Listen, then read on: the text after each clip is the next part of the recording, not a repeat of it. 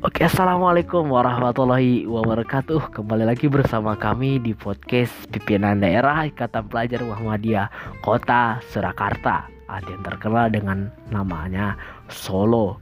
Yang dulu Pak Jokowi jadi wali kotanya loh. Sekarang kan beliau jadi presiden. E, mungkin pada bingung atau gimana gitu ya.